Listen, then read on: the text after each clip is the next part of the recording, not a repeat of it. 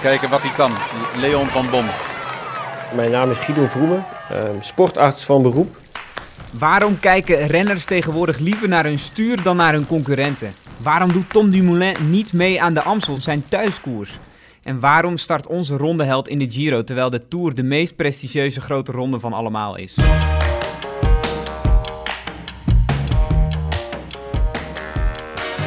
Het antwoord op al uw vragen is data. Renners moeten weten welk wattage ze trappen. Hun trainingsopbouw wordt nauwkeurig afgestemd op dat ene hoofddoel. En dat hoofddoel is de koers waar de kopman de grootste kans heeft om te winnen. Vroeger waren de ondoorgrondelijke wetten van het wielrennen leidend. Traditie en cultuur stonden centraal. Nu is dat data. Chris Froome en Tom Dumoulin verslaan elkaar via een vermogensmeter. Op het stuur staat precies wat ze wanneer moeten doen. In deze tweede aflevering van de Fiets Podcast gaan we een antwoord zoeken op onze datavragen. Wat doen de renners precies met data? En welke invloed heeft dat op de koers? Kunnen wij er misschien ook iets aan hebben als we zelf de Alpe d'Huez beklimmen? Aan tafel zit uh, vriend van de show Leon van Bon. Welkom opnieuw. Dankjewel.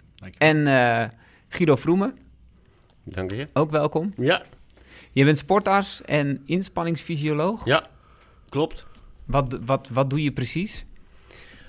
Ja, sportarts, dat zal niet zo moeilijk zijn. Dus ik ben dan, dan ben ik gewoon als dokter opgeleid. Um, in die taak ben ik ook teamarts bij team Robot Charles. En dan begeleid je renners in hun... Uh, in het bereiken van een topvorm ja, eigenlijk. klopt. Eigenlijk heeft... Uh, het zijn niet allemaal uh, de toppers die je van tv kent. Um, maar iedereen die bij mij traint, die heeft een bepaald prestatiedoel. Um, en ik probeer te helpen om op het juiste moment in vorm te zijn. Ik wil deze podcast graag beginnen met uh, waar jullie fietshart sneller van ging kloppen. Uh, Guido, wat, wat, was voor jou het moment van, van de afgelopen tijd? Um, de afgelopen tijd, dat is eigenlijk het belangrijkste moment. Dan kan ik wel zeggen dat dat het werelduurrecord is van mijn eigen atleet, Jetse Plat, handbiker. Um, daar hebben we uh, heel intensief naartoe gewerkt. En um, op die dag dat moment moest het allemaal gebeuren. En ja, dat was voortreffelijk om dat mee te maken. En dan heb je ook met heel veel interesse natuurlijk gekeken naar Victor Kampenaerts. Hoe beleef je zo'n dag? Hoe, hoe is dat? Intens. heel spannend. Um, ik, ik heb zeg maar een plan gemaakt wat we allemaal gaan, uh, wat eruit gaat, uh, wat hij gaat uitvoeren qua vermogen wat hij moet leveren. Positie op de fiets is bij een handbiker wat, wat makkelijker, want daar kun je niet heel veel aan veranderen. Die moet gewoon in die fiets liggen. Maar um, nou ja, ik moet er wel voor zorgen dat hij fris genoeg is op die dag. En dat hij um, kan rijden wat, wat in mijn hoofd zat, wat het plan was. Um, en als het eenmaal van start is gegaan, ja, het enige wat ik nog kan doen is af en toe uh, wat rondetijden aangeven. Maar verder kan ik niks meer. En is het afwachten en uh, in mijn handjes wrijven en hopen dat het allemaal goed gaat komen. Dus het is voor mij, uh, nou, het was een hele spannende dag. En ik was nou, super blij dat, toen dat allemaal gelukt was. Hoe heb je gekeken dan naar, naar Victor Kampenaerts? Had je, we, hebben, we hebben voor de podcast even gebeld en jij, jij voorspelde eigenlijk al dat hij het ging halen. Klopt. Voor, voor uh, als je het een beetje vanuit de romantiek van de sport bekijkt, dan is dat nog altijd toch een klein beetje iets ongrijpbaars. Dat Victor Kampenaerts. Ja, ja want de meeste gerenommeerd mensen... wielrenner. Uh, Bradley Wiggins met een, met een ferme marge verslaat. 550 klopt. meter uit mijn hoofd. Ja, dat klopt. En nou, niet iedereen kent Victor Kampenaerts. De, de, de, mensen die het wielrennen volgen, die weten heus wel dat hij uh, een behoorlijk goede tijdrit kan rijden. Um, het belangrijkste wat hij heeft uitgebuit is het, uh, het, het, voordeel op hoogte. Wat Bradley Wiggins niet heeft gedaan. He, die heeft gewoon in Londen gereden. Ja, door Commercieel een... natuurlijk veel interessanter voor hem. En um, daar, ligt, daar, lagen ook, daar liggen ook de mogelijkheden. Van ja, nou, als ik datzelfde record wil aanvallen, dan moet ik dus ergens naartoe gaan waar het nou ja, makkelijker is om harder te rijden. Ja, dat is op hoogte. En uh, dat komt dan, hè, dat de, de luchtdruk is lager, uh, waardoor je eigenlijk minder weerstand hebt om door, door, door de lucht heen te fietsen. Ja. En dat levert uiteindelijk uh, dat levert een voordeel op. Ja, je moet het zien. Je, je rijdt door de lucht heen, dus je, dat, dat, dan, je moet je, je, die lucht gaat om je heen. Daar bot je tegenaan tegen de luchtmoleculen en, moleculen, en die geeft een soort werveling om je heen en die trekt aan je. Maar ja, hoe minder luchtmoleculen er zijn per vierkant of ku- kubieke meter, de luchtdichtheid, hoe minder je daar tegenaan botst. Op hoogte zijn er minder luchtmoleculen, dus daar ga je makkelijker doorheen. Heb je dan ook nog eens hoge temperatuur, dan wordt de luchtdichtheid die wordt nog lager. Dus je kunt daar makkelijker doorheen dan en heb je minder weerstand. Eén nadeeltje natuurlijk is wel dat je ook Klopt. minder zuurstof hebt. Ja, Ja. precies. En daar, en zit ergens een balans eh, per persoon, denk ik. En de, Nou, het is, op zich is er niet zozeer per persoon. Er is een optimum. Ehm, je kunt, eh, dan zou je zeggen, nou weet je, als, eh, dan ga ik nog hoger. Mexico ligt op 1888, Aquas Calientes. Nou, dan ga ik naar 5000 meter bijvoorbeeld. ja. Dan ben je het optimum een beetje voorbij, want je prestatiedaling door de lagere zuurstofdruk is groter dan op een gegeven moment dan de winst die je haalt uit minder luchtweerstand. Ja. Ehm, ja, dus da- daar is een formule voor. Hè? De- op een bepaalde hoogte is dat ide- ideaal. En daarom is Ja. Calientes, wat eigenlijk gewoon een, eh, een tent is met een, met een wielenbaan erin.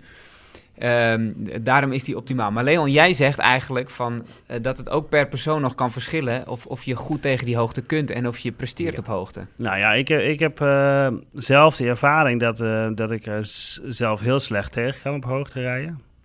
Ehm, ik trainde dan eh, op zo'n hoogtemachine en dan ging ik mijn omslagpunt bepalen. En dat, dat scheelde zo mega veel met, eh, met mijn normale waardes, dat dat echt eh, bizar veel was.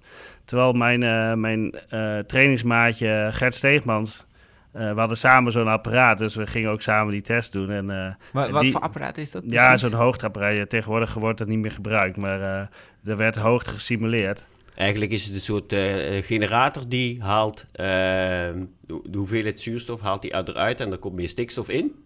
Ja, en Dus een ja. kapje op je mond ja, of zo. klopt. Dus ja, je ja, kap je ja. met een dikke slang naar, die, eh, naar het apparaat toe, waardoor je eigenlijk zuurstofarm lucht inademt. Ja. Leuk. Dus je simuleert uh, hoogtetraining. En hij had eh, ja, heel weinig verschil op, die, op diezelfde hoogte. Ja. En eh, ja, dat, de, dat blij- blijkt ook wel als ik, als ik eh, echt in de hoge berg ging rijden. Dat, Ja. Daar kwam ik ook gelijk niet meer vooruit. Ja, jij zei dat je, dat je ongeveer de helft van je, van je, van je Ja. waardes nog Ja. haalde.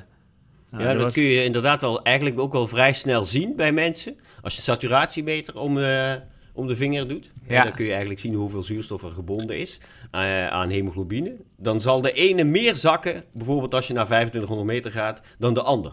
En de, de ene past sneller daarop aan dan de ander. Maar iedereen kan erop aanpassen. Alleen, nou ja, waarschijnlijk duurt het bij jou, Leon, veel langer ja, ja. dan eh, wat je had bij Gert. Die was eigenlijk nou ja, na een paar dagen oké. en jij zat nog een week later dan echt nog te puffen. Ja, en het de grappige was, in, in passief eh, deden we dat ook, dus niet, niet trainend. En daar eh, ging mijn saturatie veel minder zakken als van hem. Dus dat, dat was eh, best wel wonderbaarlijk eigenlijk. Ja, dat wil ik ook zeggen. Want ik heb, eh, ik heb dat ook. Ik ben een keer naar hoogte gegaan en daar Ja. ging ik fietsen. Ook saturatiemeter gebruikt en ik zat prima. Alleen als ik ging fietsen, mijn hartslag die gierde meteen omhoog en ik kon helemaal niks meer. Ja, nou ja, ik had geen daar- vermogensmeter, maar Nee. ik, ik weet wel dat het niet hard ging. Nee, ja, dan heb je gewoon meteen te maken dat je de zuurstof die je nodig hebt om arbeid te verrichten, hè, die heb, dan, dan, dan schiet het tekort. ja, En dan gaat die ventilatie zo erg omhoog om veel meer zuurstof in te kunnen nemen. Ja, dat, dat red je dus niet op dat moment. Dus eh, nog even terugkomen op Bradley Wiggins. Zou dat niet een keuze kunnen zijn geweest dat hij zegt van... Ja, ik ben minder, minder effectief op hoogte. Eh, ik eh, laat het voordoen alsof ik, Ja. het commercieel voordeel is. Maar uiteindelijk is het, is Kan. het gewoon een bewuste keuze geweest. Kan. Ik denk dat er wel heel veel commerciële achtergrond zit om het toch daar te doen. Ehm, maar Ja, vooral echt- voor de luchtvochtigheid in de, in de hal was het ook niet goed, toch? Dat daar 6000 mensen zaten. Ja, ja, ja, dat klopt. Er, za- hè, er waren, zaten heel veel mensen toen bij hem. En ehm, ze hadden wel de temperatuur flink opgestookt. Hè. Het was wel 30 graden in die hal. En dat is natuurlijk ook weer gunstig voor... als je eh, luchtdichtheid omlaag wilt krijgen... dan moet je gewoon de temperatuur omhoog gooien. Ja, Want anders eh, eh, heb je geen... Al, hè, de, de luchtdruk is gewoon om de C-niveau. Dus die is best hoog. Ehm, maar ik denk dat Wiggins op zich, als hij ehm, op hoogte zou, het, het zou willen aanvallen... Dan moet hij gewoon ruim van tevoren daar zitten. En als hij daar een, zeg maar een maand zou gaan zitten, dan is hij daar goed aan aangepast. En dan heeft hij ook gewoon het voordeel daarvan. Ja, want eh, je moet natuurlijk in de voorbereiding daar dan ook rekening mee houden. Wat Victor Kampenaerts nu heeft gedaan. Die is aan het begin van het jaar twee maanden naar Namibië gegaan om daar te wennen aan hoogte. En is, eh geloof ik, ruim drie weken van tevoren hier naar, eh, naar Mexico gegaan. Slim. En dat is natuurlijk ook iets wat je moet kunnen doen. Ja. Hij heeft die ruimte gekregen, maar... En eh, willen doen. Ja, en willen doen. Ja, ja, ja, absoluut. Ja. Ga maar even zo lang daar zitten. Dat is niet eh, dat je denkt op een gegeven moment, denkt, wat doe ik hier nog? Het laatste over Kampenaerts. En dan gaan we nog even luisteren naar, eh, naar een fragment van wat, wat, zijn, wat zijn commentaar was en een kleine sfeerimpressie daarvan. Hij had een CDA-waarde van 0,185. Althans, daar werd over gesproken. Kun je uitleggen wat dat betekent? Ja, ik had zelf al een beetje 0,1875 had ik gerekend. Oké, eh, Dus hoe ik- kwam je eraan dan? Eh, ja, maar dat is eigenlijk uit, de uit de media Ja. dat ze eh, dat geroepen hadden. Nou ja, CDA-waarde is eigenlijk een waarde die zegt iets over de luchtweerstand. En het bestaat uit twee dingen. Een CD-waarde, dat is een constante, en een A-waarde. De A is- staat voor oppervlakte, dus lichaamsoppervlakte, frontaal. Ja. Dus hoe hard bot je ergens tegenaan, hoeveel oppervlakte botst frontaal ergens tegenaan. Die CD-waarde, dat is hoe de lucht zich om jouw lichaam heen gedraagt wordt die heel erg makkelijk gesplitst aan de voorkant en het, gaat, het glijdt langs jouw lichaam en het komt aan de achterkant weer heel geleidelijk bij elkaar, zonder wervelingen, dan is dat heel gunstig en heb, is die waarde laag. Geeft het heel veel wervelingen, zoals nou, een vrachtauto die botst bo- ergens tegenaan, die knalt die lucht naar alle kanten toe en die krijgt heel veel luchtwervelingen achter zich, Je voelt het als je een vrachtwagen inhaalt. Ja, daar zit heel veel. Nou ja, nou daar kun je makkelijker rijden, want daar is een hele grote leegte, om het zo te zeggen, omdat die, lucht al in beweging is. Ehm, dus als je die CD-waarde heel laag kunt krijgen, en normaal zetten ze die standaard voor iemand in een lichtpositie op de fiets, eh eh aerohouding op, 0, op ze- eh, 0,7. Maar die kan dus lager zijn als je dat in de windtunnel gaat testen met een ander pak, waardoor de lucht net wat meer gestroomlijnder wordt, een ander stuur, net iets andere houding, dan kan het dus allemaal gefine-tuned worden.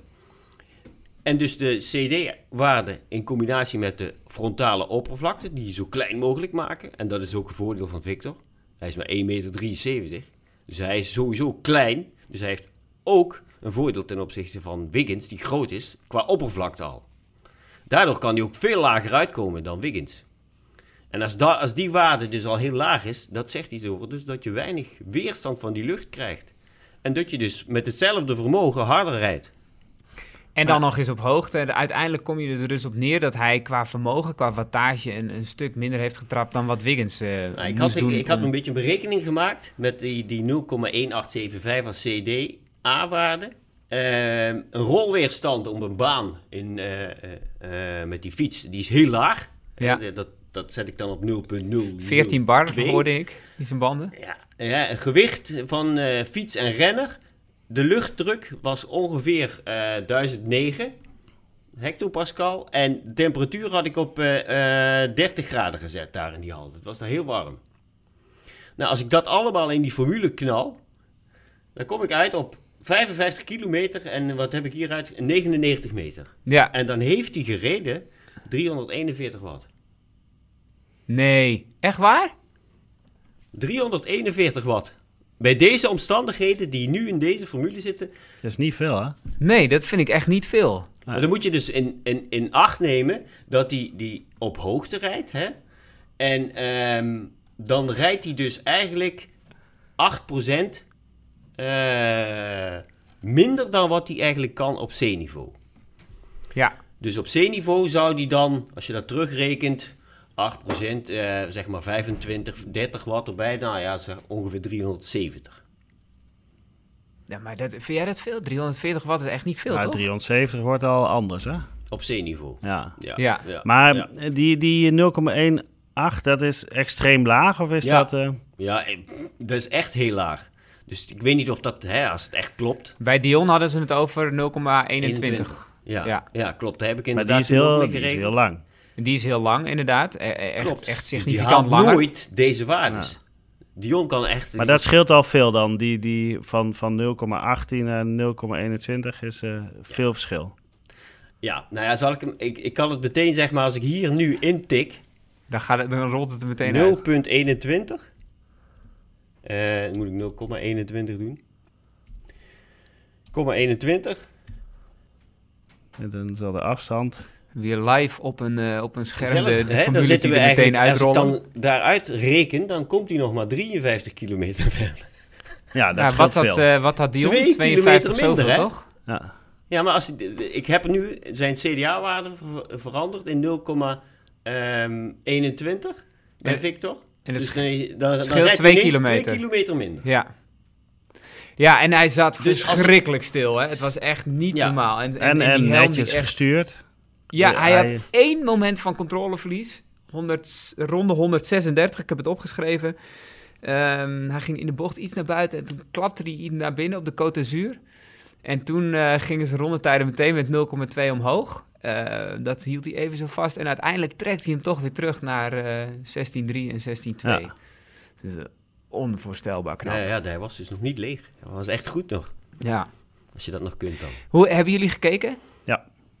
Hoe, hoe is, wat, wat is de, de, de, de amusementswaarde van zo'n uurrecord? ik, ik vind het geweldig, persoonlijk, om ernaar te kijken. Ja, ik denk dat wij het inderdaad wel heel erg mooi en leuk vinden. Omdat we er iets bij kunnen voorstellen. Ik denk dat, zeg maar, iemand die gewoon af en toe wel eens fietsen kijkt, die denkt, jeetje.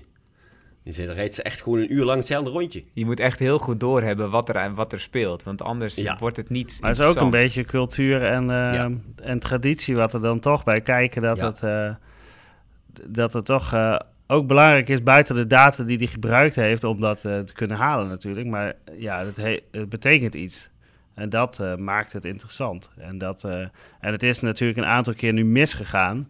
Waardoor het ook eh, ja, waardoor het natuurlijk eh, interessant wordt om naar te kijken. Als iedereen eh, die zegt van ik ga het halen, het haalt. Ja, Dan, Ja. dan eh, wordt het ook minder interessant. ja dat, dat record, dat dat mythisch wordt, zeg maar. En dat, dat, dat mensen daar een... eh, Het is een tijd natuurlijk stuk heel bijten. lang eh, eh, ja, helemaal niet populair geweest, hè? Dat werelduurrecord op een gegeven moment, ja...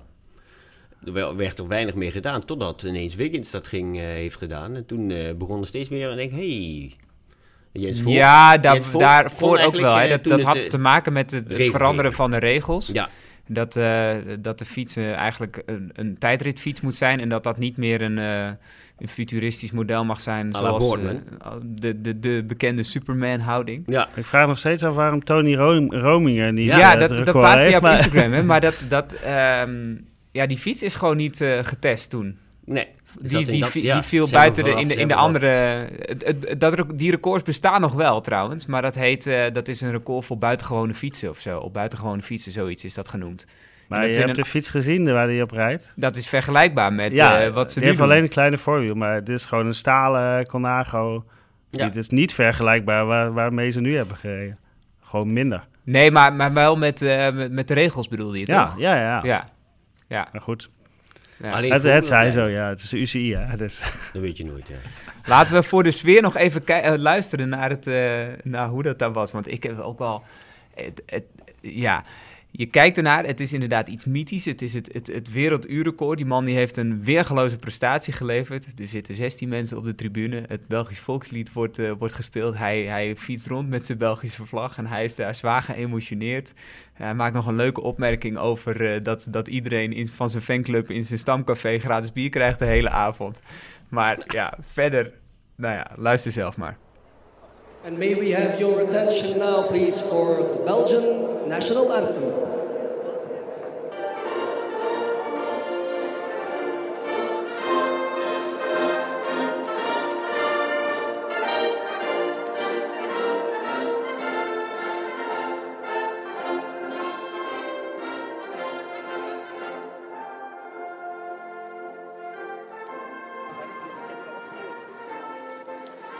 Okay, uh, I will do it in English. Um, thanks to all the support. My family, my parents, my friends, and my girlfriend. And of course, all my fans in Borgerhout, in my uh, fan club, fan cafe, Café Mombasa. All my fans can drink all the night Dames en heren, het werelduurrecord getuimd door Tissot staat vanaf nu op naam van een Belg. Hij heet Victor Kampenaerts en hij reed maar liefst 55 kilometer en 89 meter. Nou ja, je hoort zes mensen die klappen en, eh, en het volkslied. En dat, dat is het eigenlijk. Ja. Ja, Maar goed, het, eh, het, het, eh, ook op social media, je, je ziet wel dat het ontzag voor Kampenaerts heel groot is. Gaan we door naar, eh, naar jou, Leon. Wat, wat is jouw moment? Waar ging jouw fietshart sneller van kloppen? Ja, eigenlijk eh, hoe eh, Mathieu van der Poel bezig is. Ehm, op verschillende manieren eigenlijk. Ook hoe extreem goed hij rijdt. Maar ook wel het gevaar dat hij, hoe die, ehm, hoe, hoe die door het peloton navigeert. En toch al aardig wat dingen is tegengekomen. En eh, ja, ik hoop dat hij dat een beetje onder controle krijgt. Maar natuurlijk fantastisch om naar te kijken. Want is dat, hij, komt hij die dingen tegen en gaat hij er op een magistrale manier mee om? Of is hij ook... eh, ik, Nou ja, de, ik denk Nokere koers, daar kon hij denk ik heel weinig aan doen. Ja. Eh, waar hij in de, in de, in eindsprint heel hard Ja. viel, hè? Ja. Ja. maar in de Ronde van Vlaanderen, ja, dat is gewoon onnodig. Dat Ja. hij daar over een bloembak heen springt op, op dat moment in de koers, is eigenlijk gewoon een fout. En daardoor verliest hij daar de koers en dat eh, maakt hij wel een fantastische rentree. En dat is allemaal heel mooi gedaan en super sterk en heel indrukwekkend. Maar ja, ik denk niet nodig. Als hij die slimheid eh, er nog bij heeft, dan, eh, dan kan hij... Ja, nee, ik, heb, ik heb wel eens met hem, ehm, en ik heb een reportage met hem gemaakt. En hij is zo, hè. Hij, hij, hij ging met hem fietsen door het bos en dan ja, reden we gewoon naar het bos toe. En dan springt hij op stoep en dan, gaat hij, eh, dan eh, doet hij even slippen. En, en hij de hele tijd door. En dat doet- hij dan niet om te showen of zo, maar dat is gewoon... Dan ben je gewoon met hem aan het praten en in één keer springt hij dan eh, eh, over, over een eh, drempel heen of eh, dat soort dingen. Dan, ja, dat zit gewoon helemaal in zijn systeem. Dus ja, dat, dat moet hij er eigenlijk nog wel uitkrijgen. Want als hij dat soort fouten maakt, ja, dat is gewoon, eh, dat blijkt nu ook wel cruciaal voor, voor zo'n wedstrijd. Hij pakt ook nog ergens een, een keer een stoeprand mee met zijn achterband. Hij zei achteraf eh, heel laconiek van ja, ik had niet gezien, ik zat in het wiel, ik zat een beetje... En ineens was daar een stoeprand en hij gaat zo dwars erop met, met zijn achterwiel en hij Ja, slipt ja, eh, ja, twee meter en hij rijdt weer verder alsof er niks gebeurd is. Ja, Maar aan de andere kant is het ook zo dat misschien voor hem dat wel heel goed werkt. Want, want Nou, hij, deze keer hij niet. Is, nee, ja, dat, maar dat, hij, hij zal niet willen vallen natuurlijk. Maar ehm, hij heeft dus ergens wel... Hij zegt ook wel eens bijvoorbeeld dat, dat, hij, dat hij eh, wegkoers een beetje saai vindt. Omdat het eh, vijf, zes uur duurt. En de, ja, in de tussentijd kan er heel weinig gebeuren. ja hij heeft blijkbaar dat iets nodig wat, hem- wat hem... eh, Ja, nee, maar als dat, eh, ik snap dat wel, maar ik, eh, als dat zijn koers kost, dan, is het, eh, dan gaat het net de verkeerde kant op. Ja, het is wel mooi, er was ook zo'n filmpje dat zo'n steen eh Mhm. eh, wegschiet en zo. ja. Ja, dat, ja dat, in die korte tijd, van die heel weinig wedstrijden die hij gereden heeft, zijn er al zoveel van dat soort eh, dingen langsgekomen. Ja, en dat, dat is denk ik eigenlijk zijn, zijn zwakte op dit moment.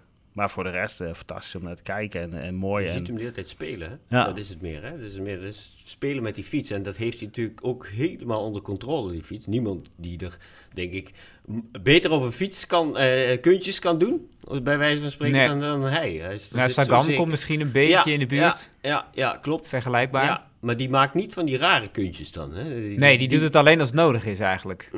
Precies. En dat is eh, denk ik ook zuinig geworden. Wat ik wel eh, interessant vond, was wat Tom Dumoulin zei. Want die vroeg zich eigenlijk hardop af in een interview.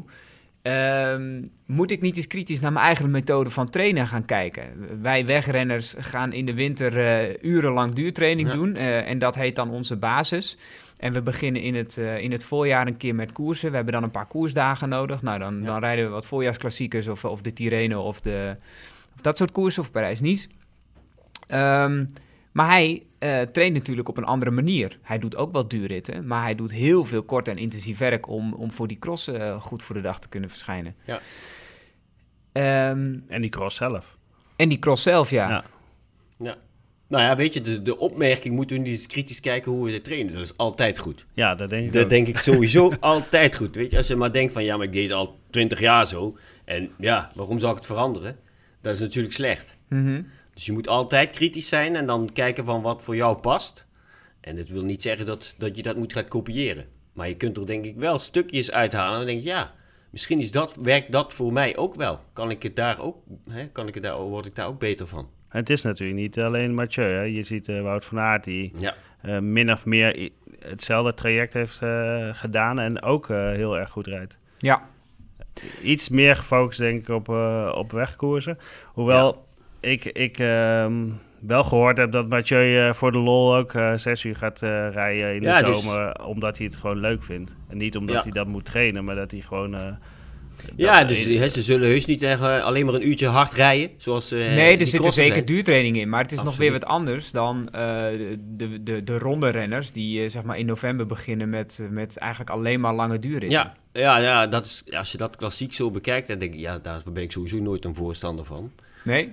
Nee, nee, want ik denk dat je, eh, nou ja, dat, dat harde rijden, dat anaerobe systeem, zoals ze dat noemen, eh, dat moet je altijd blijven prikkelen, want dat is het eerste wat eraan gaat. En Het anaerobe systeem is eigenlijk dat, dat, dat is het kortere werk, het korte intensieve werk. Ja, dat is eigenlijk, kun je dat zeggen, nou ja, van, van, van één seconde tot, laten we zeggen, vijf minuten. Ja. Die intervallen, wat daarin zit.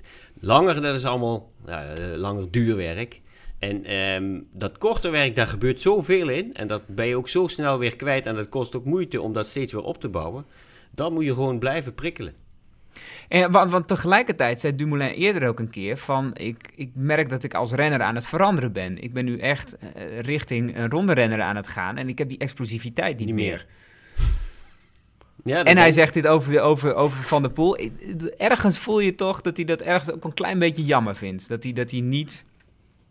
Dat eh, zou best kunnen. Want Nou ik ja, denk, ik denk dat hij veel lol had vroeger eh, door te koersen en te gaan Ja. en te aan te vallen eh, wanneer hij wil. En eh, Ja, dat is natuurlijk, eh, ja, ligt denk ik dichter bij je emotie dan eh, blijven zitten en wachten en, eh, ja. en, en precies op je wattage omhoog rijden en die andere weg zien rijden en denk van ja, ik, ik blijf wel in de buurt en ik verlies niet te veel. Tegenwoordig doet hij dat dan niet meer, dan blijft hij gewoon bij de eerste, dus dat, dat is alweer beter. Maar ja, ik denk dat het minder dicht bij zijn hart ligt eh, als... als eh, ja. Ja, je kijkt, hè, wat Mathieu zegt, die zegt, oh ja, jee man, vijf of zes uur lang, het is saai. er moet wel wat gedaan worden. Dus, en eh, zo koerst hij ook. Hè? Hij ja, is echt niet ja, ja, bang ja. om het al vrij vroeg een keer iets te proberen. Omdat er dan gewoon... eh, Dan gebeurt iets er wat. gebeurt, Als wordt, inderdaad, Als ik ja. zo saai, zegt hij dan. Ja. met het Nederlands kampioenschap van vorig jaar als eh, een van de mooiste voorbeelden. Ja. Ja. Waar Ja, hij uiteindelijk de sprint Ja. met... eh, hij was dus niet... 46 Hij, weet je, hij lengtes probeert van alles. Maar hij kan ook zoveel aan. En zijn, zijn, zijn tank is ook gewoon zo groot... dat hij dus niet helemaal eh, leeg is... als hij eh, op het laatst ook nog een sprint moet doen. En dat kan hij dus heel goed.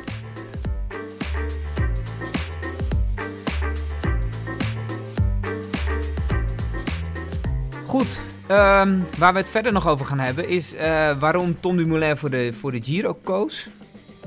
Eh, maar ook hoe je data gebruikt in, eh, in training. In training voor profs, maar natuurlijk ook voor, eh, voor hoe wij dat zelf kunnen gebruiken. En dan neem ik mezelf maar even als voorbeeld. We hebben kijkersvragen.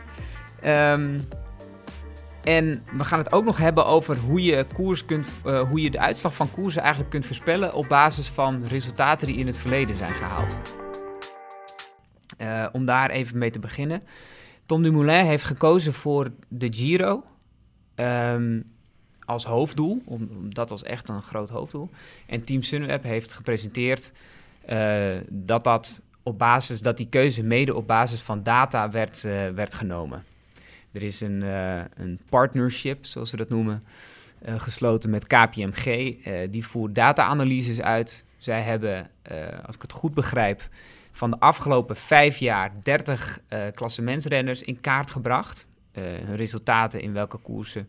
En uiteindelijk kwamen ze tot de conclusie dat eh, Tom Dumoulin in de Giro de meeste kans heeft om daar een goed resultaat neer te zetten. Is dat, ehm, is dat iets nieuws of, of gebeurt het al meer in het wielrennen? Gebeurde dat eigenlijk al? Ik verwacht dat, eh, weet je, dat ze die keuzes maken welke ronde voor hun het meest geschikt is. Of waar ze het meeste kans hebben op, op, op winst. Dat ze dat al eerder altijd al zo deden.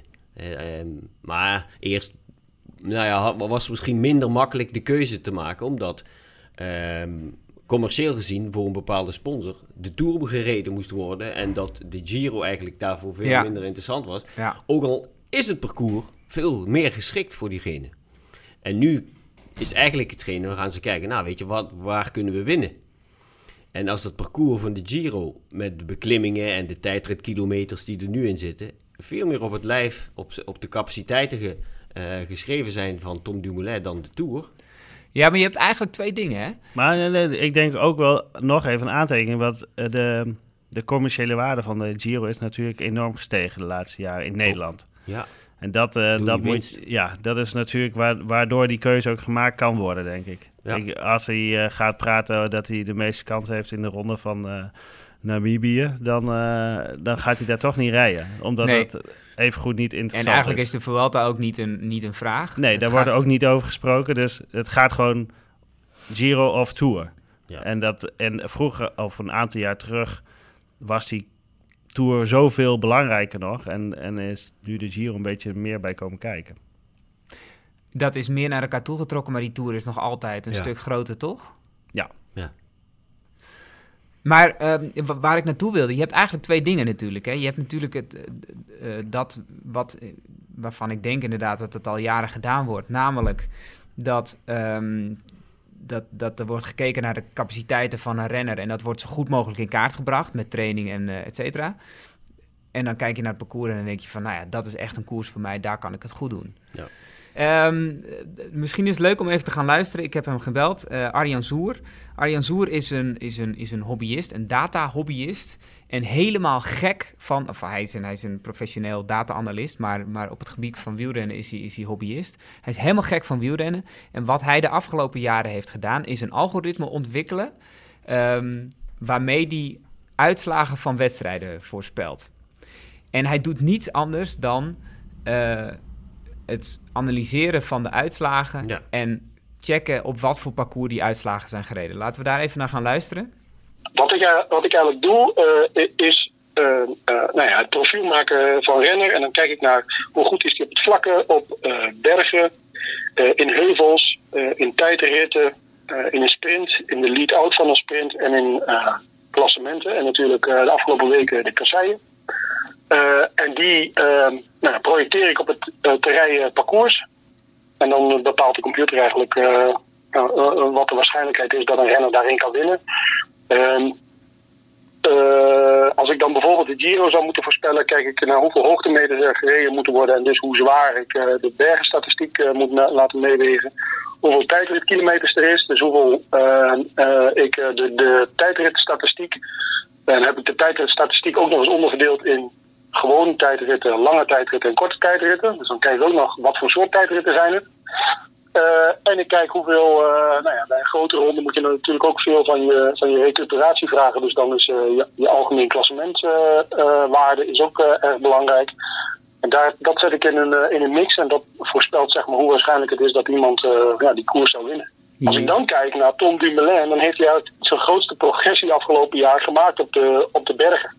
Dus vorig jaar eh, eh, had hij eh, in mijn modelletje had hij van de 100 had hij een 89 in de bergen. Dat was dan 1-1 2018. Eh, en 1-1 2019 heeft hij een 96. Dan moet hij nog wel zeven mensen voor hem dulden. Maar het is echt niet meer dat Tom alleen maar door tijdritten kan winnen. Waar hij ook nog steeds eh, 98 scoort natuurlijk. Maar hij heeft ook vooral heel veel progressie gemaakt afgelopen jaar in, in de bergen. Dus de- ik kan niet helemaal zeggen dat hij alleen maar kan winnen als er veel tijdritkilometers zijn. Hij kan inmiddels ook eh, nou, in de bergen kan hij, eh, het goed verteren. Eh, Maar jij, jij zegt dus ook eigenlijk dat, dat Tom Dumoulin nu de achtste klimmer ter wereld is van alle, van alle klassementsrenners. Ja, dus als ik kijk naar de, de profielen en, en de hoeveelheid punten die gehaald worden in bergetappes, zowel met aankomst bergaf als met aankomst bergop, en die aankomst bergop die, die eh, tellen zwaarder, dan is Tom Dumoulin volgens mijn eh, database de achtste renner, ja. En dan nog eh, een, een keertje terug naar, naar, naar de Giro. Ik zie dat van de klassementsrenners eh Dumoulin het ehm, in ieder geval in dit lijstje altijd zal afleggen tegen Froome. Maar die doet niet mee in de Giro. Ja, Dus, dus eigenlijk eh, op basis van, jou, eh, van jouw eh, analyse is, is, is Dumoulin de grote favoriet om de, om de Giro te gaan winnen. ja dat zou je wel zo kunnen stellen. Hè? Even kijken. Ja, het is natuurlijk, het, het gaat de combinatie zijn van, eh van tijdritkilometers en, en bergen en historisch bewezen eh eh, klassementen, of algemeen klassementspunten. Mhm. Eh, wat altijd lastig is, als ik achteruit kijk eh, met mijn algoritme, dan eh, zie ik vooral de profielen hoe ze tot nu toe in de afgelopen drie jaar hebben gereden. De verrassing eh, komt dan vaak van de jonge garde die nog niet zoveel resultaten heeft eh, laten zien, maar eh, ja, dan in die koers eh, eh, in één keer doorbreekt en eh, wel in één keer die fantastische uitslag eh, eh, neerzet. Precies, want Ja, dan kom, ik, deze, dan kom ik bij mijn volgende dan in vraag. Deze natuurlijk eh, E- Egan Bernal eh, natuurlijk eh, Ja. te denken. In mijn voorspelling voor de Giro, dan kon het inderdaad wel eens zo zijn dat ik eh, nou, de, de gevestigde orde goed kan inschatten op, eh, op hun waarschijnlijkheid dat ze de Giro eh, wel of niet gaan winnen. En eh, dan, moet ik een aantal dark horses daarbij waarschijnlijk noemen die misschien qua vorm het zouden kunnen, maar het nog moeten bewijzen in de Giro. En dan ja, valt inderdaad te denken aan, uh, Egan Bernal. Ja, het is. eh, ik, ik heb wat van zijn statistieken bekeken, of wat van zijn voorspellingen bekeken. En hij zit echt akelig dichtbij. Het is echt dat je denkt: hoe, hoe doet die man dat? Polit bijvoorbeeld had hij als zesde in Roubaix. Nou, ik had het nooit geroepen. Nou, d- dat zag je wel een beetje aankomen hoor, vond ik. Ja? Ja, vond ik wel. Grote Oké. kerel. Ja, maar ook de, de koersen die, die, hoe die reden afgelopen maand. Ja. Dat was voor mij geen verrassing. Maar hij heeft in ieder geval heel vaak een, een winnaar die hij dan, nou ja, in ieder geval in de, in de, in de top voorspelt. Eh, en, en, en wat. Dat klopt, weet je. Maar het belangrijkste, dat hoor je dus ook wel. Het is niet zozeer de, de rangschikking waar je dan naar kijken. Het gaat eigenlijk op parcours. Hè, dus op bepaalde parcoursen komen bepaalde renners boven. Ja. Hè, kijk naar de Waalse Pijl. Je kunt hem zo opschrijven wie daar eh, straks weer als eerste Ja, oké, de Waalse pijl is qua voorspellen Ja, een hele de makkelijkste makkelijke. koers denkbaar. Precies, precies. Maar daar, weet je, het is een, een klimming aan het eind. En daar heb je dus heel veel anaeroop vermogen nodig. En van twee minuten, of één Ja. à twee minuten, bam! Wie ga je trouwens zeggen dan? Waalse pijl? Nou, maar dat is toch altijd... eh, Nou, laat maar. Van verder. Van Verde, Die, ja. Alain Philippe of, eh of Ja. Dan Martin. Ja. Nou ja, dat, Dat die is het kunnen dus heel hard, eh, heel veel vermogen, wat per kilogram daar leveren. Gedurende, nou ja, 1,5 minuut of zo. Bam! Ja, Ehm nou ja, nu, als je nu gaat kijken naar die eh, parcoursen in een, ro- in een ronde, ja, daar zie je dus ook lange, rustige beklimmingen of hele korte, steile hellingen. Dan maakt het nog wel uit wie er dan eerder boven komt. Als jij een hele eh, korte, steile beklimming hebt, ja, dan zul je typetjes als Quintana veel harder omhoog zien gaan dan als Tom Dumoulin. Want ja, dat is massa. ja. Tom is niet heel zwaar, hè, die is net onder de 70 kilo. Maar ja, Quintana zit er nog wel meer dan 10 kilo onder. Dus dat gaat toch net iets harder. Hoor. Maar ik proef hier aan tafel een beetje dat die voorspelling, eh, dat dat met een korrel zout wordt genomen. En dat het, maar dat het vooral gaat om het inhoudelijk analyseren van wat een renner kan op een bepaald parcours. En ja, ja als je dat, dat, dat komt natuurlijk terug in de uitslagen. Want daar, hè, als iemand erg goed is in op bepaalde stukken, kritieke perioden in een parcours, ja, dan, dan weet je dat hij daar gaat toeslaan. En eh, dat zie je voor Roubaix, zie je dat ook, weet je. Dat zijn niet de lichte mannetjes. Die stuiteren alle kanten op. Dus dat zijn grote kerels daar. Ja, dan eh, weet je dus dat je grote kerels moet hebben met veel vermogen, ja. die hard kunnen stampen. En die komen voor. En, en dat, als je al die eh, resultaten van de afgelopen nou ja, 20 jaar bekijkt, al die winnaars daarvan, allemaal. ja. Ik, du- ik durf bijna niet te vragen, maar heb jij ooit eh, op deze manier data ingezet op je carrière, Leon? Nou, dat was nog niet zo eh ter sprake. We reden net met eh vermogensmeter aan het eind en niemand wist wat ze ermee moesten met die... Die, die kwam die- op toen jij aan het eind die- van je carrière was. Ja, en dan had je op een hele bult data had je dan. En dan wist niemand wat ze daarmee moesten. Omdat het was wel heel interessant om te zien.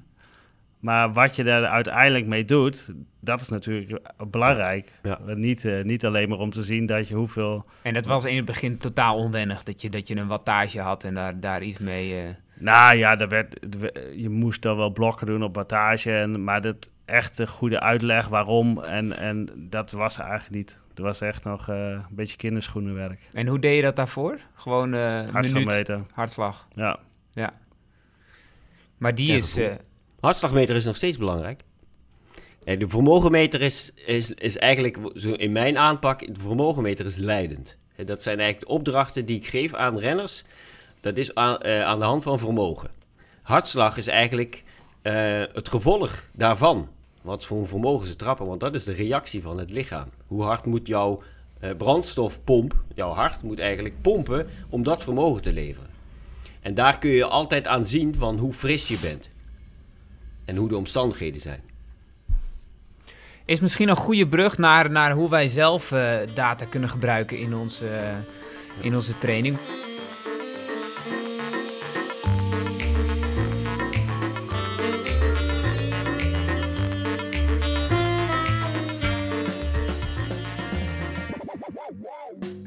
Eh, Guido, je hebt op je tv of je computerscherm Ja.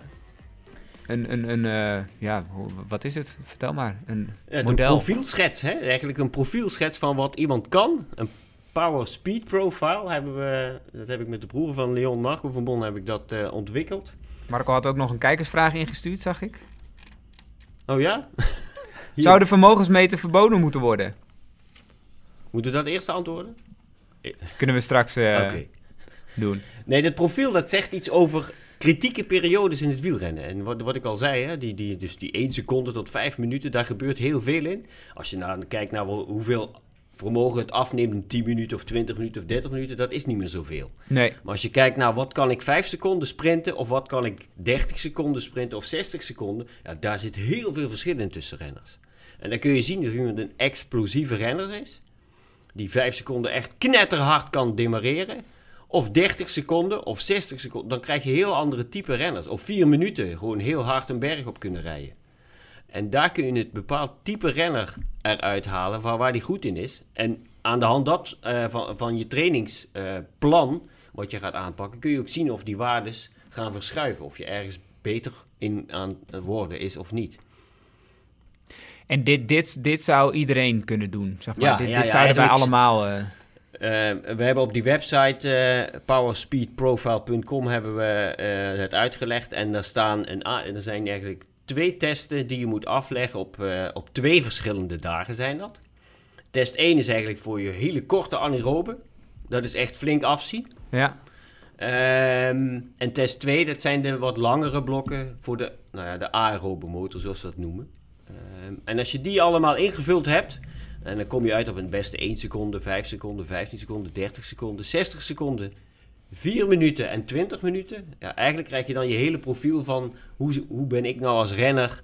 Ben ik nou overal een beetje goed in of een beetje slecht in? Dus heel allround. Of heb ik ergens Maar je moet eh, al deze tests dus doen. Om daar... moet al die waardes moet je wel weten om een zo nauwkeurig mogelijk eh, eh, profiel van je te krijgen. Dat was namelijk een vraag van Niels Heldens. Kan, Ja. ik, kan ik volstaan met een 20 minuten test of moet, Nee. ik, eh, moet, ik, moet ik alles testen? Dus, 20 dus minuten zegt alleen iets over jouw aerobe motor.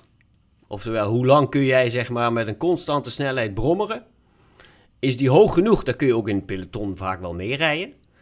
Maar als jij zeg maar, die korte kritieke periode van, hè, van 30 seconden, 60 seconden, als je daar heel normaal niet goed in bent, dan kun je misschien wel aanhaken omdat je een hele hoge FTP hebt, een heel hoog duur tempo hebt. Wat, wat is Maar- FTP? FTP, dat is eigenlijk een afkorting in het Engels van Functional Threshold Power. En wij noemen het anaerobe drempelvermogen. Dus dat is iets wat je, nou ja, laten we zeggen, 45 tot 60 minuten, je hoogste tempo, wat je, je hoogste vermogen wat je kunt rijden.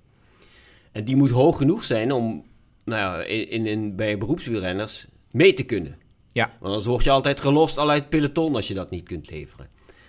Ehm, als die heel hoog is, dan kun je dus makkelijk mee. Maar ja, als je dan korte periodes niet zo heel goed bent, dus die 30 seconden of 60 seconden zijn niet zo heel goed, kun je ook nooit echt hard weg demareren. Dan rijdt iedereen zo in je wiel en dan word je op het laatst zo bam, knallen die anderen weg. Ja. Dus dan heb je eigenlijk geen wapens, om het zo te zeggen. Dan kun je wel meerijden, pel- pelotonvulling, maar je kunt nooit aanvallen. Voor mensen die, die de Alpe d'Huez willen beklimmen, hè, dan, dan is het belangrijk dat die FTP goed is. Want dat, Precies. dat is drie kwartier tot een uur, tot een uur en een kwartier of zo. Het hangt Ja. een beetje af van je conditie Eh, en je gewicht. Absoluut. Ehm, eh, hoe, hoe, verhoog, hoe, verhoog ik dan mijn, mijn FTP, zodat ik die, die, die Alpe d'Huez eh, zo snel Dat mogelijk opkom? Slim trainen, zou ik zeggen. Ja, dat is Ja, maar waar moet ik me op focussen? Zeg maar? Wat, wat is, Nou wat ja, is als je mijn- alleen, kijk, als je, als je alleen maar je FTP wil verhogen, dan zul je eh, niet enorm veel trainingen moeten gaan doen die er ver boven zitten. Want dat is een ander systeem wat je dan gaat trainen. Dus je, moet, je mag best, ik vind wel dat je wel wat, wat arbeid moet verrichten in dat korte intervalwerk. Maar de belangrijkste trainingen zijn eigenlijk net onder jouw FTP. In dat gebied, zeg maar 90 tot 100 procent van je FTP, daar langere blokken in gaan rijden. Want dan word je daar efficiënter in. Ja. En als je daar op, bij Alpe d'Huez, als je, dat in, als je die in een uur wil rijden, dan zul je dus ongeveer op die waarde moeten gaan rijden. En niet veel hoger, want dan ga je, dan ga je over en weer zeg maar, op een half uur instorten. Maar als je die, die speed power profile hebt gedaan en je, je, je ziet dat je of je, je sprintvermogen niet zo hoog is of je duurvermogen niet zo hoog. Ja. Is dat dan een, een, ehm, een, eh, een focuspunt omdat je kan zeggen van ja, Begrijp ik inderdaad, maar dat hoeft niet. Hè? Weet je, als, jou, eh, als je dat gedaan hebt en je sprintvermogen, jouw 5 seconden waarde, ehm, haalt nog nauwelijks de 1000 watt. eh, terwijl je 70 kilo bent. eh, dus dat is dan, dan kom je eigenlijk in, in de grafiek niet zo hoog uit. Dat is wel een heel groot deel aanleg, die sprint. Dus als je daar denkt, oh die is slecht, dan moet ik echt heel veel werk aan verrichten om dat beter te krijgen. Ja, dan krijg je hem ook wel wat beter. Maar daar word je nooit heel erg goed in. Dus dat is nooit echt een, een sterk punt van je. Terwijl, ehm, nou ja, 30 seconden, 60 seconden waardes, die zijn echt wel goed te trainen. Ook daar zit wel wat aanleg in, maar daar kun je wel, als je daar goed in traint, word je daar wel een heel stuk beter in. ja. Dus het is eigenlijk meer een soort talenten.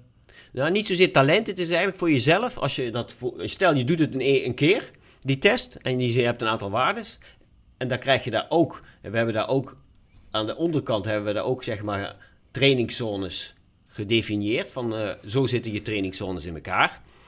Als je daarmee aan de slag gaat, dan kun je een maand later denken, nou weet je, ik heb nu een bepaald plan gedaan met trainingen, met, met harde intervallen. Ben ik nu beter geworden? Dan ga ik hem weer doen. Nou, Nou, nou, dan kun je dus je progressie wel hier duidelijk uit zien. Het is niet zozeer... en dat is dan beter om te zien dan, dan alleen een FTP-test. Ja, want dan zie je eigenlijk niet of jouw 30 seconden, 1 minuut Ja. waren, of die beter zijn geworden. Dus dat zijn die anaerobe intervallen. En daar kun je eigenlijk mee, als je in een groepje, zeg maar, elke woensdagavond met een groepje gaat fietsen. Een en sprint er wordt er altijd bordje. bordjesprinten gedaan, precies. En dan denk je, ja, maar dat, ik verlies dat altijd. En je hebt altijd in, eh, in, in, eh, in je andere jaren gewoon rustig hard proberen te rijden, maar nooit die hele keiharde intervallen. 10 keer 1 minuut tot je echt helemaal geel ziet. En dat ben je nu wel gaan doen, dan merk je ineens, hé, hey, ik kan nu wel met die sprints ineens meedoen. Ja, dat zijn een beetje bekende tourrijders die, eh, die eh, altijd laten afzien en de hele dag eh 40 aan het uur kunnen rijden. Ja, En op het moment als je dan eh, even een kilometertje 43 rijdt, dan zijn het, ze gelost en dan komen ze niet meer vooruit. ja, maar dat zie je ook vaak wel, dat mensen die cyclo's rijden, die rijden gewoon 150 of 200 kilometer, gewoon hard en dat is geen probleem. En dan gaan ze eens een keertje, weet je, ik ga een keer een criterium rijden. Dat is hier bij mij in het dorp, een rondje, eh, rondjes om de kerk, 40 rondjes. eh, Iedereen vindt dat hij heel hard rijdt. Iedereen, ja, precies. En, en diegene die dan die 200 keer denkt, ja, dat kan ik makkelijk.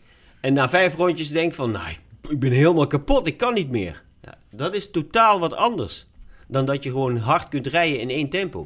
Ja. Ze, is, ehm, eh, ook een van de kijkers vragen: zijn er nog profs die, die zonder wattagemeter eh, eh, trainen? Want, want dit gaat ook allemaal op, op, eh, op wattage. Jij, jij kreeg het aan, je, aan het eind van je carrière mee. Ik rij nu zelfs mee, dus dat met Ja, wattage meten. Nu. ja, nu ja.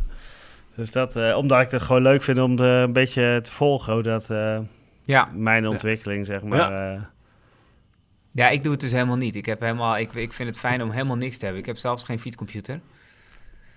Maar ehm, ik doe dan wel Strava in mijn, eh, op mijn telefoon. Nee, dus ik maar zie achteraf wel eh, Ja. wat ik ongeveer heb gedaan. Maar ehm, eh, ja, is ook- het is net, ik, vind het, ik vind het ook wel leuk om, om te zien wat, wat, wat er is gebeurd. Zeker als je ergens voor traint en je gaat bijvoorbeeld op de Alpe d'Huez oprijden. Je wil gewoon weten wat je, wat je aan het presteren bent en je- Ja. jezelf verbeteren. Ja, maar dat geeft, weet je, dat geeft, eh, nou ja, weet je, bij toeristische renners die daar omhoog rijden, dat geeft ook houvast. Als je bepaalde eh waardes kunt geven van, ja, als je dat gaat rijden, weet ik zeker dat je gewoon niet halverwege ineens omvalt omdat je gewoon eh, helemaal op bent. Ja, dat, en terwijl andere, nee, een beroepswielrenner of iemand die al twintig jaar fietst, die die kan heel goed met op gevoel rijden. Die Ja. weet wel wat hij kan en wat hij niet kan. Ja. Als het te hard gaat, weet hij dat dit kan ook niet zo lang meer vol, dus ik moet iets rustiger. Anderen die daar totaal geen gevoel voor hebben, ja, die rijden zich gewoon helemaal stuk en die moeten wel even stoppen om bij te komen. Kijk, die kun je daarmee gewoon veel meer houvast geven om eh, te doseren. Ja.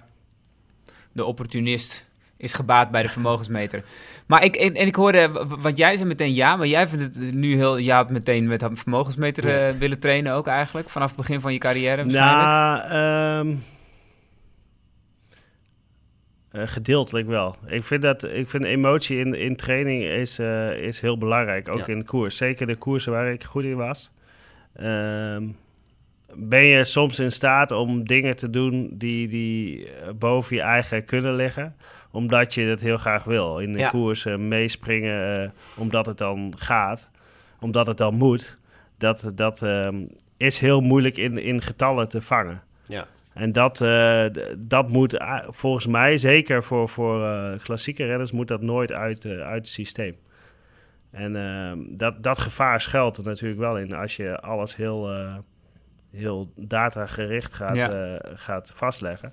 Ronde renners is iets anders. Is dat iets, ehm, zeker ook omdat het over een langere periode gaat waar ze goed moeten zijn. En ehm, zijn die piekmomenten iets minder belangrijk. Maar dat, ja, eh, ik had het wel graag gehad als ondersteuning in ieder geval. Want eh, de, de, de klassieke renner die heeft natuurlijk niet dat hij op de Kouwberg op zijn, eh, op zijn metertje zit te kijken wat hij nou daadwerkelijk aan het trappen is. Maar achteraf vindt hij het waarschijnlijk wel heel interessant om te Ja. kijken Ja, wat hij dat heeft is- gedaan. Dat daar. is natuurlijk ook. ja, ja, dat is super interessant. Ik denk dat het voor iedereen heel interessant kan zijn. Daarom vind ik het ook gewoon eh, heel belangrijk dat ze in onze ploeg die, die meters altijd eh, op de fiets hebben, dat die data erin komen. Ja. En dat ik die achteraf van de koers gewoon die data kan verzamelen. Omdat ik dan weet, als iemand bijvoorbeeld ergens heel goed heeft gereden, waar, hoe hard hij daar reed. Ja, dat is een soort benchmark. Dan weet je van, ja, als je, de, als je dus ergens hè, voor bij de Amstel wil zitten, dan moet je die Kouwberg dus echt met een vermogen van eh, eh, 8 watt per kilogram eh, omhoog knallen. Jos van Emden die zegt bijvoorbeeld: Ik train helemaal niet meer met, eh, met vermogensmeter. Althans, eh, misschien traint hij wel met vermogensmeter, maar hij wil het in ieder geval niet zien tijdens een training. Eigenlijk, hij zegt: Het enige wat ik nog wil zien is de tijd en de afstand. Ja, dan spreek je over een ultieme goede tijdrijder. Ja, Die, die zijn systeem volledig kent. Ja. Ja, eh, dan, dan, dan is het eh, ook veel minder van belang.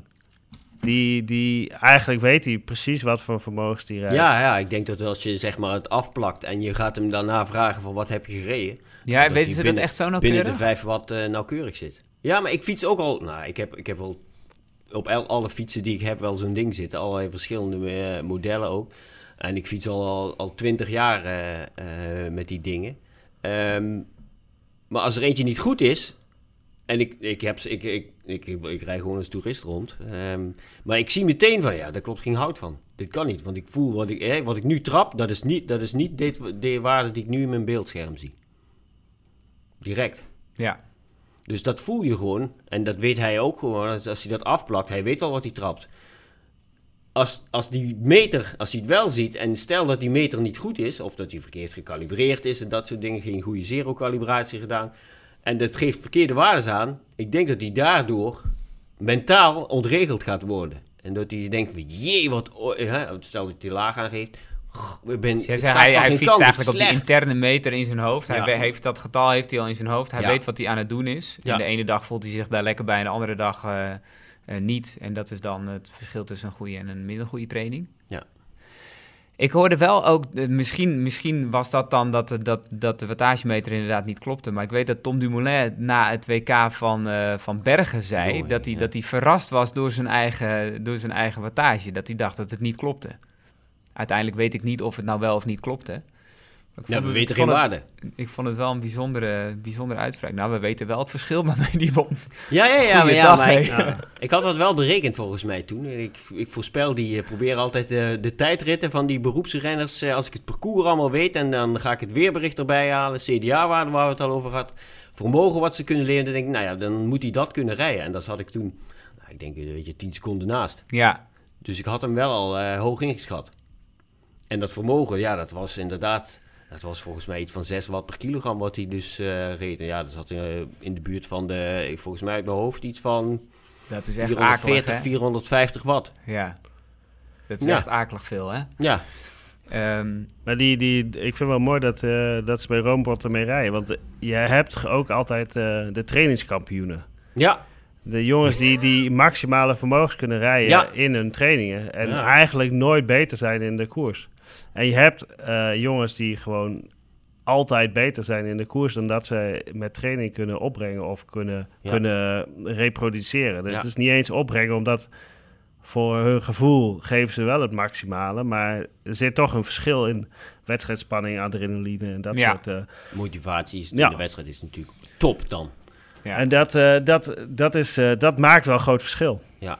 En, eh, en soms zou je denken van ja, hoe kan zo'n jongen zoveel beter zijn in de koers dan iemand anders die eigenlijk, of, of op testen, hè, als je hier een test doet, ja. Ja. dan moet je, moet je ook, eh, ze hebben altijd ook testkampioenen. Ja, We zitten hier in een, in een testomgeving, Ja, voor de goede ja. orde. in mijn, hier in mijn lab, daar komen, worden al die renners natuurlijk elk jaar worden, moeten ze hier komen testen.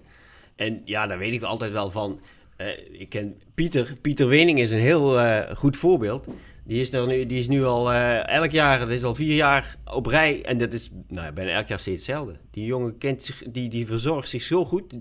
Die weet precies wat hij eh, wat wel en wat hij niet kan. Dat is ook een voorbeeld van. Ja, die heeft dus echt geen vermogenmeter nodig. D- Die zei ja, jeetje, moet ik daar ook mee gaan rijden? Die, als je die ziet rijden, die weet echt precies wel waar die moet aanvallen. Ik denk, ja, Pieter heeft altijd precies in zijn hoofd van, nou, daar kan ik En maakt het, bij, maakt het bij hem dan nog verschil? Want, want als ik hem zie koersen, dan, dan beeld ik me in dat het een groot verschil maakt of hij hier tussen, met alle respect, maar tussen vier muren op een, op een trainer zit. Of dat hij in de verte iemand ziet rijden en, eh, Nee, en met die grote molen. die motivatie hier, wat hij, eh, die is hier ook top. Weet je, hij gaat door dat hij echt niet meer eh Ja, de dat vind ik, wel, vind ik wel bijzonder bij, eh bij Ja. Wening. Als je, toch heb je dat niet? Als je hem ziet rijden, dan denk je van hij, hij, hij voelt het echt. Ja, maar, ja, het is maar net hoeveel ehm, belang je ook bij die eh, test eh eraan hangt. Hè? Ja. Als je Ja. zelf vindt dat dat heel belangrijk is om dat diep te gaan, omdat dat voor de rest van het, het seizoen eh, dingen bepaalt, dan, eh, dan kan Ja. je dat wel opbrengen. Wat, wat, is, eh, wat is de zwaarste klassieker? Dat ligt eraan voor wie. Ja, Voor jou misschien allemaal wel. eh. voor, voor mij is inderdaad de, de Tour-versie en dan de 120 kilometer versie van, eh, ja. noem ze maar, eh, Het is, is al heel te zwaar. vergelijken. Eh, ik, vind, de- ik heb altijd moeite met het woord zwaar, omdat eh, eh, dan zeggen ze van ja, die, die, eh, die etappe is te zwaar voor mij. Maar dat betekent dan te veel bergen meestal. Ja. Maar dat is voor die klimmers is dat niet te zwaar, omdat die dat heel goed in zijn. Ja, maar ja. Die, als ze dan in Roubaix rijden, of eh, over die keien, dan is dat eigenlijk is- voor hun te zwaar. Maar dan wordt dat nooit gezegd. Dus dat ehm, als jij, eh, als jij een Pollet eh, in, in eh luik bastenaken luik gaat zetten, is dat voor hem eh, te zwaar. Maar als jij eh, Ni- Quintana in, eh, in, in Parijs-Roubaix gaat zetten, is dat eigenlijk voor hem te zwaar. Dus dat is Ja. denk ik heel moeilijk eh, te definiëren. Ik vraag het omdat er in de komende fiets, komt eind april uit, een stuk, eh, een stuk staat. Ik vond het wel interessant om te lezen. Eigenlijk een hele uiteenzetting met, met waar de meeste waardes worden getrapt. Ik zal het, het woord zwaar niet meer noemen. Oké. Ehm, daarbij wordt ook aangetekend dat het, dat het moeilijk in te schatten is wat de impact bijvoorbeeld van kasseien is. Want dat is natuurlijk totaal anders eh, als, een, als een asfaltweg. En dat, eh, dat trilt door je lichaam en dat, dat doet ook iets. Mhm. Ehm, maar er is gekeken naar, eh, naar de wattages. Wat ik wel opvallend vond, de, de Mikael Valgren had vorig jaar, won, won natuurlijk de Amstel en had 595 watt op de Kouberg, anderhalve minuut. Ga er maar aan staan. Ehm, Eh, dat- vorig jaar was Oscar weg, hè? Oscar Riesebeek. En ja, heel, la- heel lang. En die werd daar teruggepakt? Ja, ja, maar die had ook nog... Daar weet ik van, toen die demareerde, was ook echt dit soort piekwaardes. Om Ja. echt weg te komen. En Ja. daarna stabiliseert het, zijn ze met een groepje weg. Maar aan het eind ging die op de... Volgens mij was het op de Beemlerberg. Had hij nog een keer... Ik denk, nou weet je, alles of niets Oscar gaan. Hè? Dus Ja. dan probeerde hij het nog een keer. Maar ja, dan komen die gasten... Hè? Sagan zat er allemaal en Valken zat er daarbij. Dus die kwamen terug. Maar dat was, weet je, dat was nog een keer zo één. Dus dat zijn zeg maar pijlen die je hebt, die je kunt afvuren om, om weg te komen. Ja. En hoe meer ehm, je, je dit soort acties kunt doen, hoe beter eh, je eigenlijk bent en hoe sterker ehm, en hoe groter de kans is dat je dit soort eh, klassiekers kunt winnen. Dus ja, dit is op zich niet heel erg. Eh, Kijk, 595 watt, daar wordt ook bij, wordt ook vaak in beeld gebracht van ja, heeft een piekwaarde van zoveel. Het Ja. gaat er met name om van hoe lang heb je dit getrapt? Hoeveel seconden? Hoeveel minuten? En, En, dan wa- zegt het en iets. wat is daarvoor gebeurd? Ja, ja, ja. ja hoe, Hoe dus- vaak heeft hij dat al gedaan voordat... Precies. En hij, hij, was hij daar al alleen? Hij reed daar weg met iemand, geloof ik. Zeg ik dat goed? Die zat Oh hier niet achter hem aan, hè? Ehm, die reed er ook alweer achter hem aan. Maar dat weet ik niet meer. Hij reed, eh, met, met z'n tweeën reden ze weg, geloof ik. Ja. En uiteindelijk werd het een kopgroep en reed hij eh, daar weer vanuit weg. Zeg ik dat goed? Oh jee, Oh jee. ik zoek, ik zoek een keer een getal op en ik heb de kennis er niet bij paraat. In ieder geval, ehm, uiteindelijk is de voorzichtige conclusie van het stuk dat, dat Luik en de Amstel eh, qua vermogens eh, het zwaarst zijn. Piekvermogens waarschijnlijk dus. Want dat, is het, dat krijg je op die hellingen, hè? Eh, nou ja, er wordt, het, het wordt uiteindelijk bij elkaar opgeteld natuurlijk. Dus, dus eh, hoe, hoe vaak dat dan eh, gehaald moet worden. En uiteindelijk ook het, het, het gemiddeld wattage wat je over die hele koers moet, eh, moet rijden om, Ja. eh, om erbij te zitten. Ja, kijk, dit is... Zeker in de Verbaast Amstel. mij wel, verbaast mij In de wel. Amstel, dat gaat de hele tijd op een gegeven moment op en af en op en af en op. En, je hebt niet, zeg maar, de, de luwte van het peloton op een gegeven, waar je in kunt blijven hangen. Wat, nou, wat- wa- wa- wat je hebt natuurlijk in die koersen, in de, in de Ardennen klassiekers, zijn de beklimmingen langer. En heb, moet je dus langer een, eh, een hoog vermogen trappen. En in, eh, in Vlaanderen zijn ze wat korter. ja, En ja, maar wat je zegt, die in het piekwaardes. peloton zitten, dat heb je natuurlijk minder eh, voordeel van. Ja, ja, ja, ja, als je gewoon lange wegen hebt. ja. En je zit echt eh, met, met weinig hellingen. En dat, dat, daar zit je 40, 50 kilometer op die lange weg. Als je dan midden in de buik van het peloton of een beetje achterin zit. Ja, dan hoef je nog maar 30% te trappen. Zelfs over kasseien is Hè, dan dat rij je eh, een 100 groot watt. voordeel. Dan rij je, rijdt het hele peloton 40, 45 en degene achter die rijden 100 watt. ja. Zo simpel is het. Voor de, voor de, nadere, de nadere onderbouwing verwijs ik jullie allemaal door naar eh het Fiets Ik Magazine. ben benieuwd. Eind april. Ehm, zit erop. Dank. Nou, de verbogen meter moet dus niet van de fiets af. Dat hebben we nog niet behandeld, hè?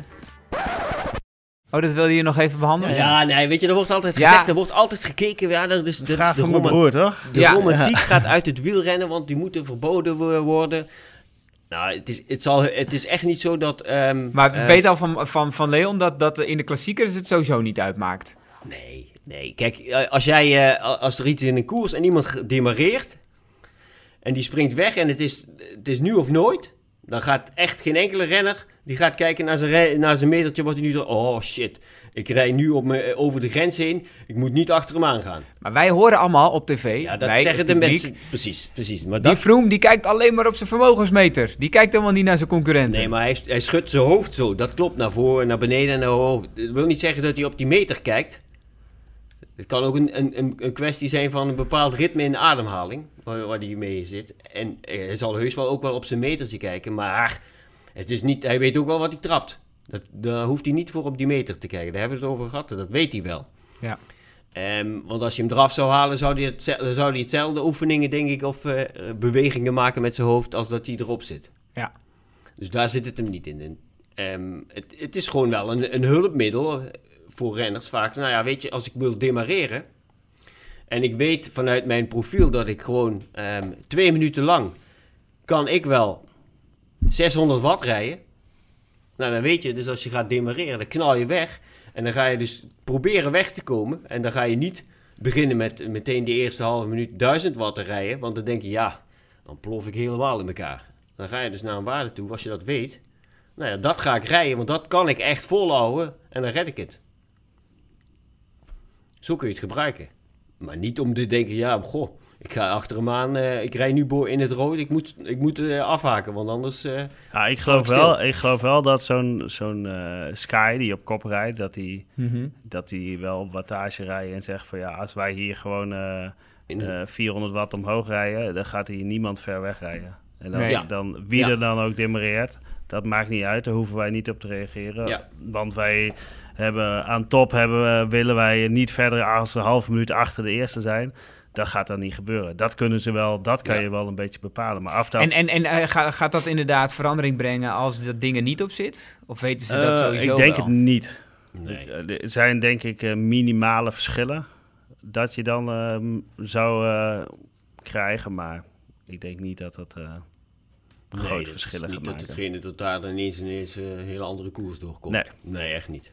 En ik denk, weet je, het is een innovatie, hè? het is een vooruitgang van de wielrennerij. En die, eh, er zijn heel veel mensen die vinden het heel interessant ook om dit soort waarden ook te zien. Want nou, laat dat allemaal in beeld zien, man. Dat is mooi dat te zien wat, Mhm. wat zij nu trappen. Maar wat denken jullie daarvan? Waar, Ja, eh, is wattages in beeld? Ja, leuk. Prima. Ja. Ja, joh, prima. En het, het, sommige criticast heel zegt dan, daar kun je niks aan afleiden. Althans, het is altijd, eh, de- je hebt er niet zoveel aan. Nou, ik denk, als ik, eh, als ik die waarden in beeld zou zien en het is gedurende eh, een bepaalde tijd dat ze ergens bergop rijden en ik zie daar een renner rijden ehm, eh, die, waarvan ik weet, nou ja, die is ongeveer 60 kilo. En die rijdt daar met, nou laten we zeggen, 360 watt omhoog. Mhm. 6 watt per kilogram dus. Mhm. Dan denk ik zo, daar gaat, niet echt, de magische grens. daar gaat niet echt iemand heel snel overheen komen nu vanuit de achtergrond. Dan moet je wel heel hard rijden. Ja. Kijk, eh, hoe, hoe het nu vaak gebruikt wordt, is dat het moment even getoond wordt. Ja, dat zegt dan niet zoveel. Of dat ze de kopgroep laten zien, de snelheid en het peloton. En de kopgroep gaat naar beneden en het eh, peloton omhoog. Ja, Ja, daar heb klopt. je niks aan. nee, daar Nee, heb je nee, niks nee, aan. nee, dat- nee, nee, dat ziet soort soms- gegevens. eh, Ja. Maar ehm, wat je bijvoorbeeld een tijdje terug was het in de Ronde van Californië, had je gewoon op de computer had je eh, vijf verschillende schermen die je kon openzetten. En dan kan je wel dingen vergelijken en echt volgen. En dat is best wel interessant. Ja, bij een koers is het denk ik eh, ook minder, omdat het alle kanten opschiet. Ook als je in het peloton of in die groepje zit. Ga maar, eh, weet je, als je zelf achter iemand gaat rijden, dan moet je gewoon, gewoon veel minder doen. Dat gaat gewoon veel makkelijker. Ja. Hebben wij minder dan 100 watt, dan rij je gewoon meer, lekker mee. Maar als het eh, bijvoorbeeld in tijdritten, gewoon één man op een fiets die gaat rijden, ja, daar is het gewoon veel mooier om te zien. Want daar zie je echt precies wat iemand aan het doen is. Ja, en in, in, in, eh, dan is een beklimming eh, bergop in de aankomst bergop in de Tour of zo is toch ook vergelijkbaar. Ja, zeg maar. Dan ja, je toch want ook heel je goed, eh, ja, daar kun je niet echt profiteren van, van iemand vlak achter iemand te rijden. Want jij moet ook echt die berg oprijden. ja. Ja, soms rijden ze wel 30 omhoog, dus dan heb je toch nog wel een beetje luchtweerstand. Dus toch wel iets profiteren, maar meestal rijden ze niet zo hard. Dus Marco, hij mag erop blijven. Goed, Ja, we hebben besloten, ook de UCI luistert mee, weet ik toevallig. Ehm, hij blijft de vermogensmeter. Eh, mag ik afronden nu? Ja, ja. Ja, Goed.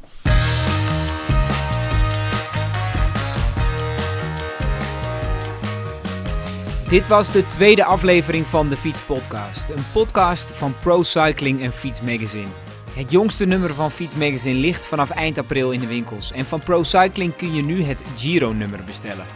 Of je kiest meteen voor het complete Tour de France pakket. Dank voor het luisteren weer en vergeet ons niet te recenseren, zodat nog meer liefhebbers van de fiets ons kunnen vinden.